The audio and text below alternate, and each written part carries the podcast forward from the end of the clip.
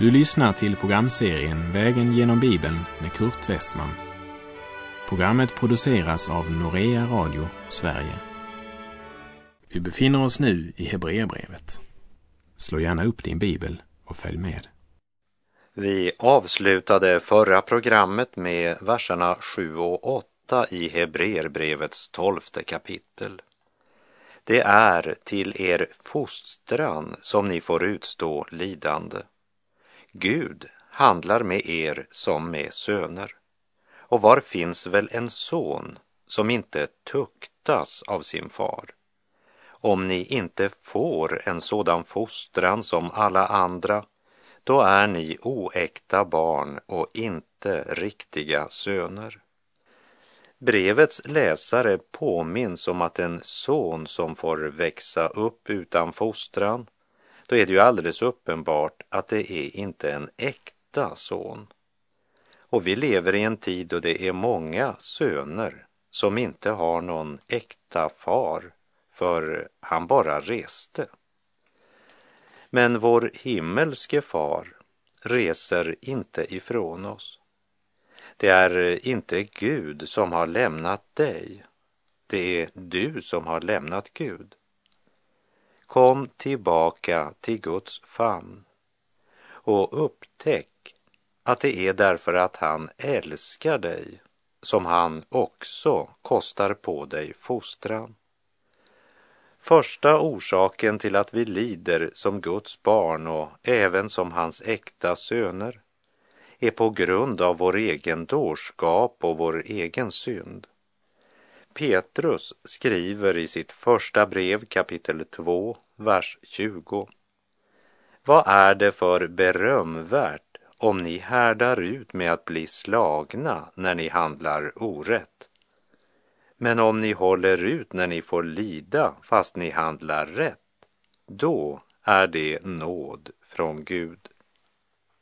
Att det finns ett lidande som är nåd från Gud, det är en främmande tankegång för vår fallna natur, som alltid är mera upptagen av att söka en snabb utväg ur smärtan än av att få veta sanningen om varför vi har hamnat där. Vi ställs ofta inför frågan, varför måste den rättfärdige lida? Jag ska inte säga att jag har något svar på den frågan. Men vad jag vet, både från skriftens vittnesbörd och erfarenheten, det är att många Guds barn lider. Saltaren 34, vers 20 säger Den rättfärdige måste lida mycket, men Herren räddar honom ur allt. Och i Jobs bok kapitel 5 och vers 7 läser vi. Men människan föds till lidande liksom eldgnistor flyger mot höjden. Och Jesus själv säger i Johannes 16, vers 33. I världen får ni lida, men var vid gott mod. Jag har övervunnit världen. Och till sin unge medarbetare Timoteus så skriver Paulus i Andra Timoteusbrevet 3.12. Så kommer också alla som vill leva gudfruktigt i Kristus Jesus att förföljas. När vi vandrade genom Jobs bok så fick vi en inblick i en av tillvarons största frågor och svåraste problem, nämligen lidandet. Men det betyder inte att vi fick alla frågor besvarade. Men vi fick i alla fall en liten inblick. Men svaret på varför Jobb måste lida, det fann vi varken i Jobs eget liv eller i hans familj. Men vi fick uppenbarat något som skedde i den himmelska världen. Dramat som utspelade sig i Andens värld men vars konsekvenser drabbade Jobb mycket hårt. Jobs bok, det är en gripande berättelse om en människa som mitt i den djupaste förtvivlan inte önskar anklaga Gud. Bakgrunden till Jobs lidande var ju just hans rättfärdighet. Men du och jag, vi lider väl ofta på grund av egna dumheter och på grund av egna synder. Petrus skriver i sitt första brev kapitel 2 och vers 20. Vad är det för berömvärt om ni härdar ut med att bli slagna när ni handlar orätt? Men om ni håller ut när ni får lida fast ni handlar rätt, då är det nåd från Gud. Det är inget berömvärt när vi lider därför att vi handlat orätt.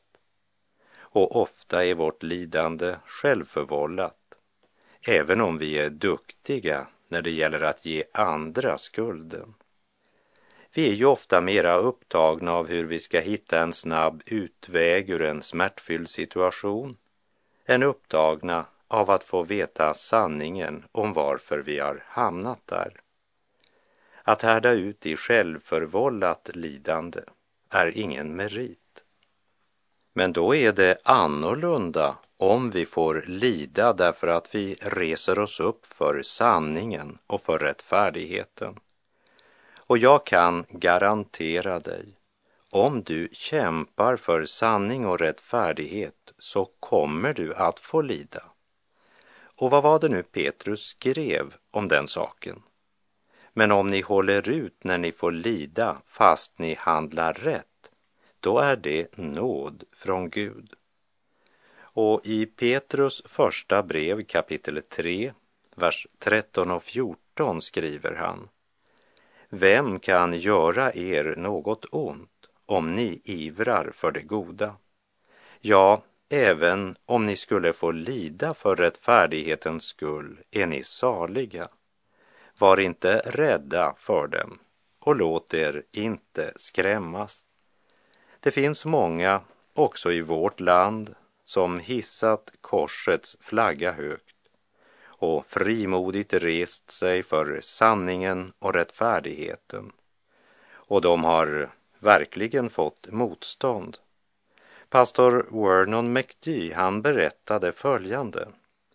En man kom till mig och berättade att på hans arbetsplats var alla som arbetade där hans fiender. Därför att han klart hade tagit ställning för Gud och sanningen. Men, säger McGee vidare, en annan kristen broder som är en av arbetsledarna på samma arbetsplats berättade att denne man, han försökte belära alla på arbetsplatsen, till och med under den mest hektiska arbetstiden. Hans sätt att vittna gjorde honom till en besvärlig plågoande på jobbet medan han själv trodde att han var martyr för sanningen. Men han led inte på grund av sin rättfärdighet, utan på grund av dumdristighet. Jakob skriver i Jakobs brev 3, vers 13. Är någon bland er vis och förståndig, då ska han visa sina gärningar genom ett klokt och vänligt uppträdande. Och i Kolosserbrevet 1.28 så talar Paulus om att predika Jesus genom att förmana varje människa och undervisa varje människa med all vishet. Och Jesus själv säger ju i Matteus 10.16 Se, jag sänder ut er som får mitt bland vargar. Var därför listiga som ormar och oskyldiga som duvor. Låt oss meditera lite grann över de orden.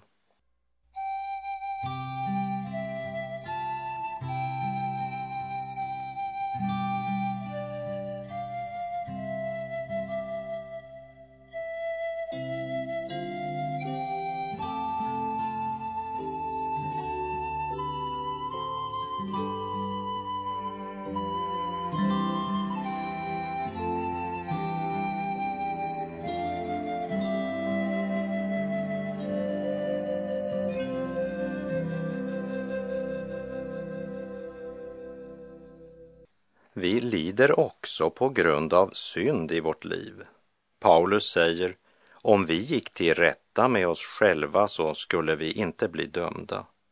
Men när vi döms fostras vi av Herren för att vi inte ska bli fördömda tillsammans med världen. Som det står i Första Korinthierbrevet 11, vers 31 och 32. Om vi som Guds barn vägrar att göra upp med synd i vårt liv så kommer Gud att ta itu med saken. Det kan du lita på. Han kommer att döma oss.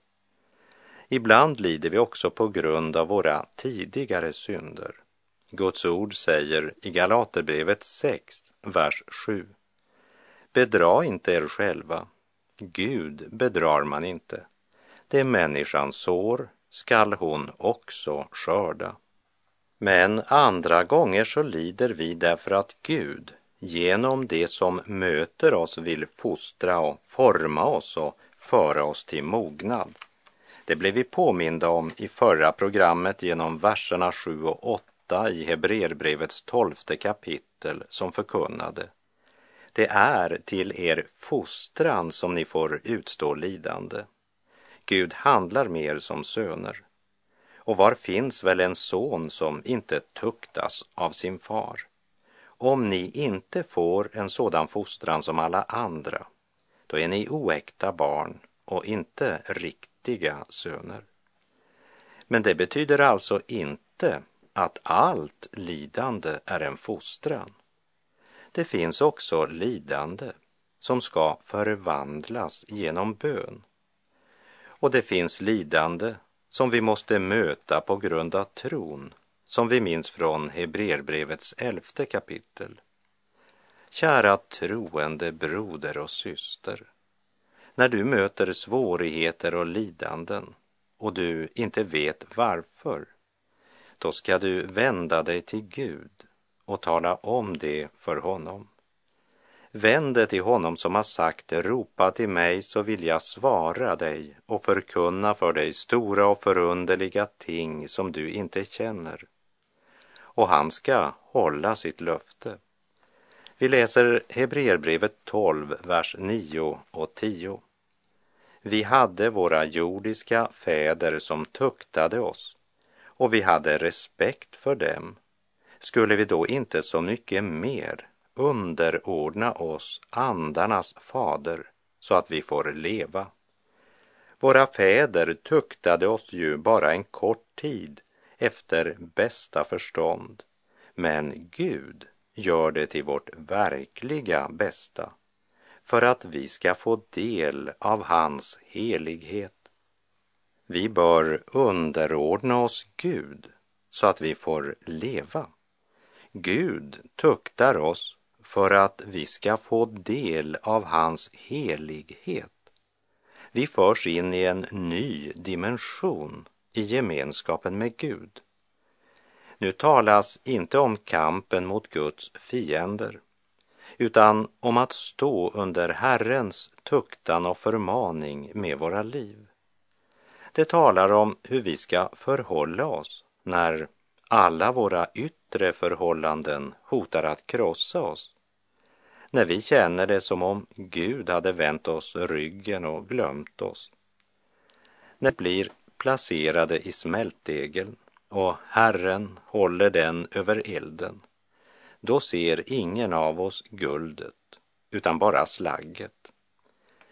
Världen är full av frågor utan svar för allt det oskyldiga lidande som vi inte har något svar på. Hur ska vi då se på lidandet som möter både oss själva och även andra för att inte hamna på avvägar genom att krossas under tvivlets eller anfäktelsens alla attacker? Låt oss i alla fall ha klart för oss att lidandet vi möter är inte Guds straff för synden. För när det gäller straffet för våra synder så är det lagt på Jesus, säger Jesaja 53. Låt inte heller en förvriden gudsbild inbilla dig att Gud vill att du ska ha det fruktansvärt. Men på denna syndens och dödens jord, där ondskans krafter rasar, går ingen fri. Yttre sett kan det verka som om det var några som aldrig hade mött en prövning. Men eh, endast Gud vet vad som rör sig bakom fasaden och vilken smärta som döljer sig bakom leendet. Det är som vi ofta sjöng i Norge. Alle har sitt, stort eller litt, himlen alene för sorger är fritt. Låt oss inte glömma att när Gud tuktar oss gör han det till vårt verkliga bästa för att vi ska få del av hans helighet. För att vi ska få del av hans helighet. Låt oss meditera över de orden en liten stund.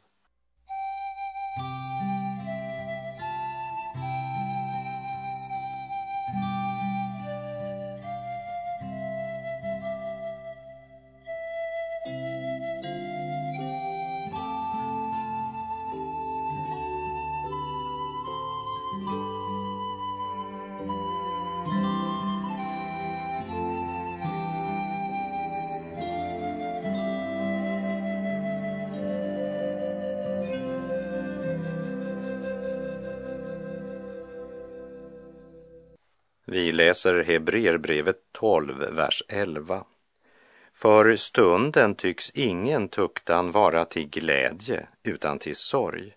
Men för dem som fostrats genom tuktan ger den längre fram frid och rättfärdighet som frukt.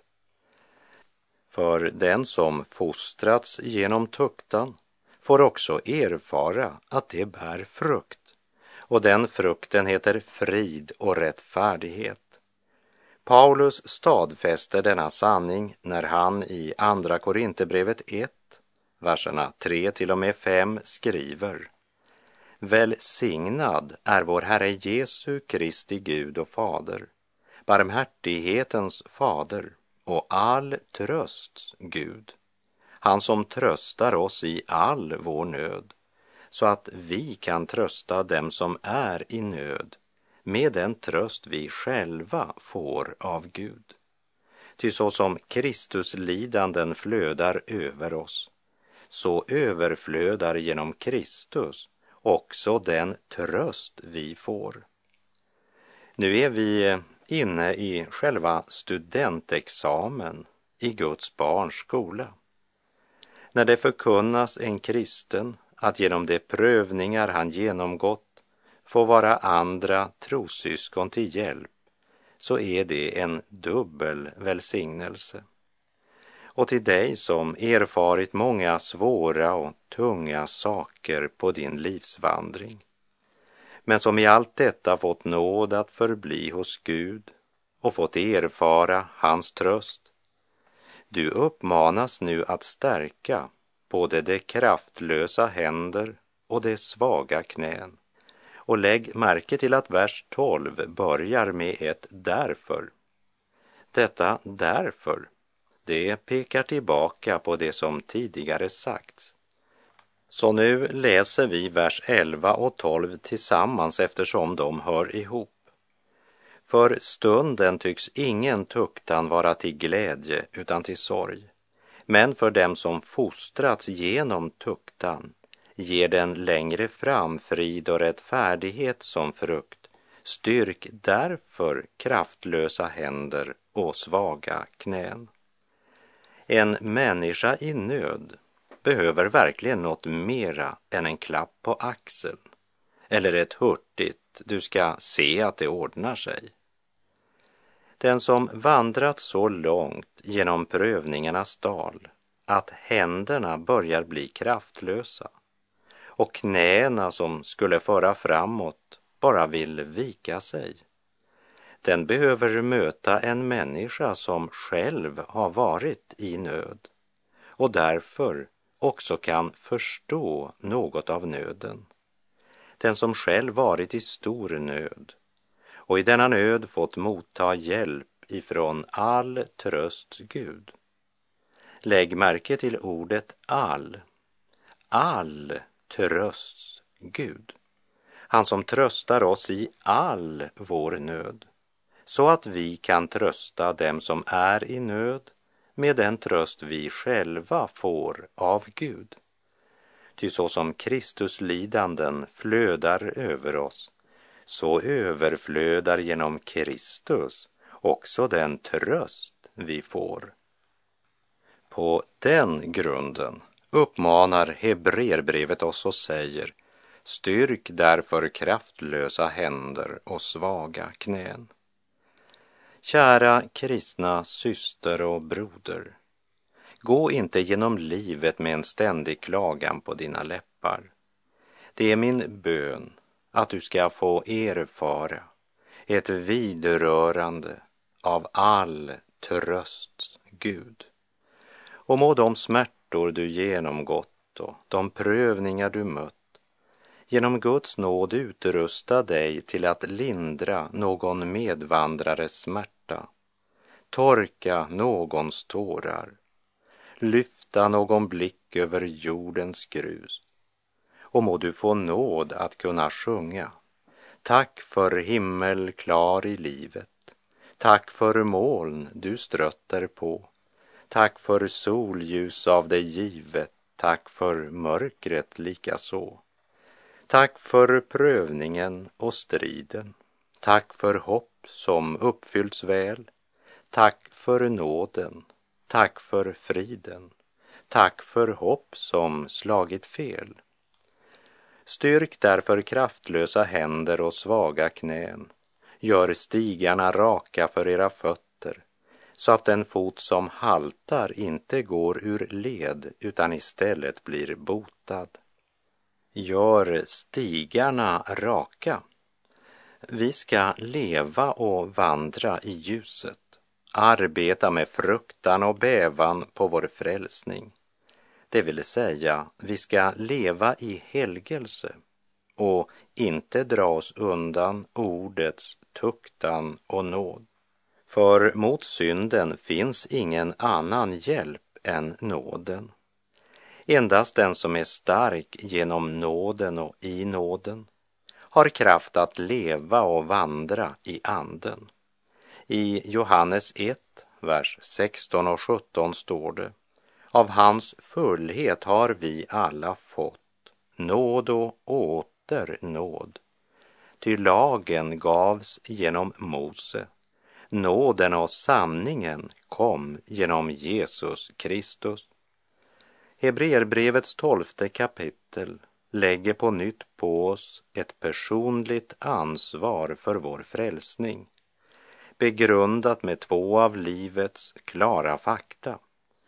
Först därför att erbjudandet om frälsning kommer till oss genom Guds nåd, som vi kan förkasta eller ta emot.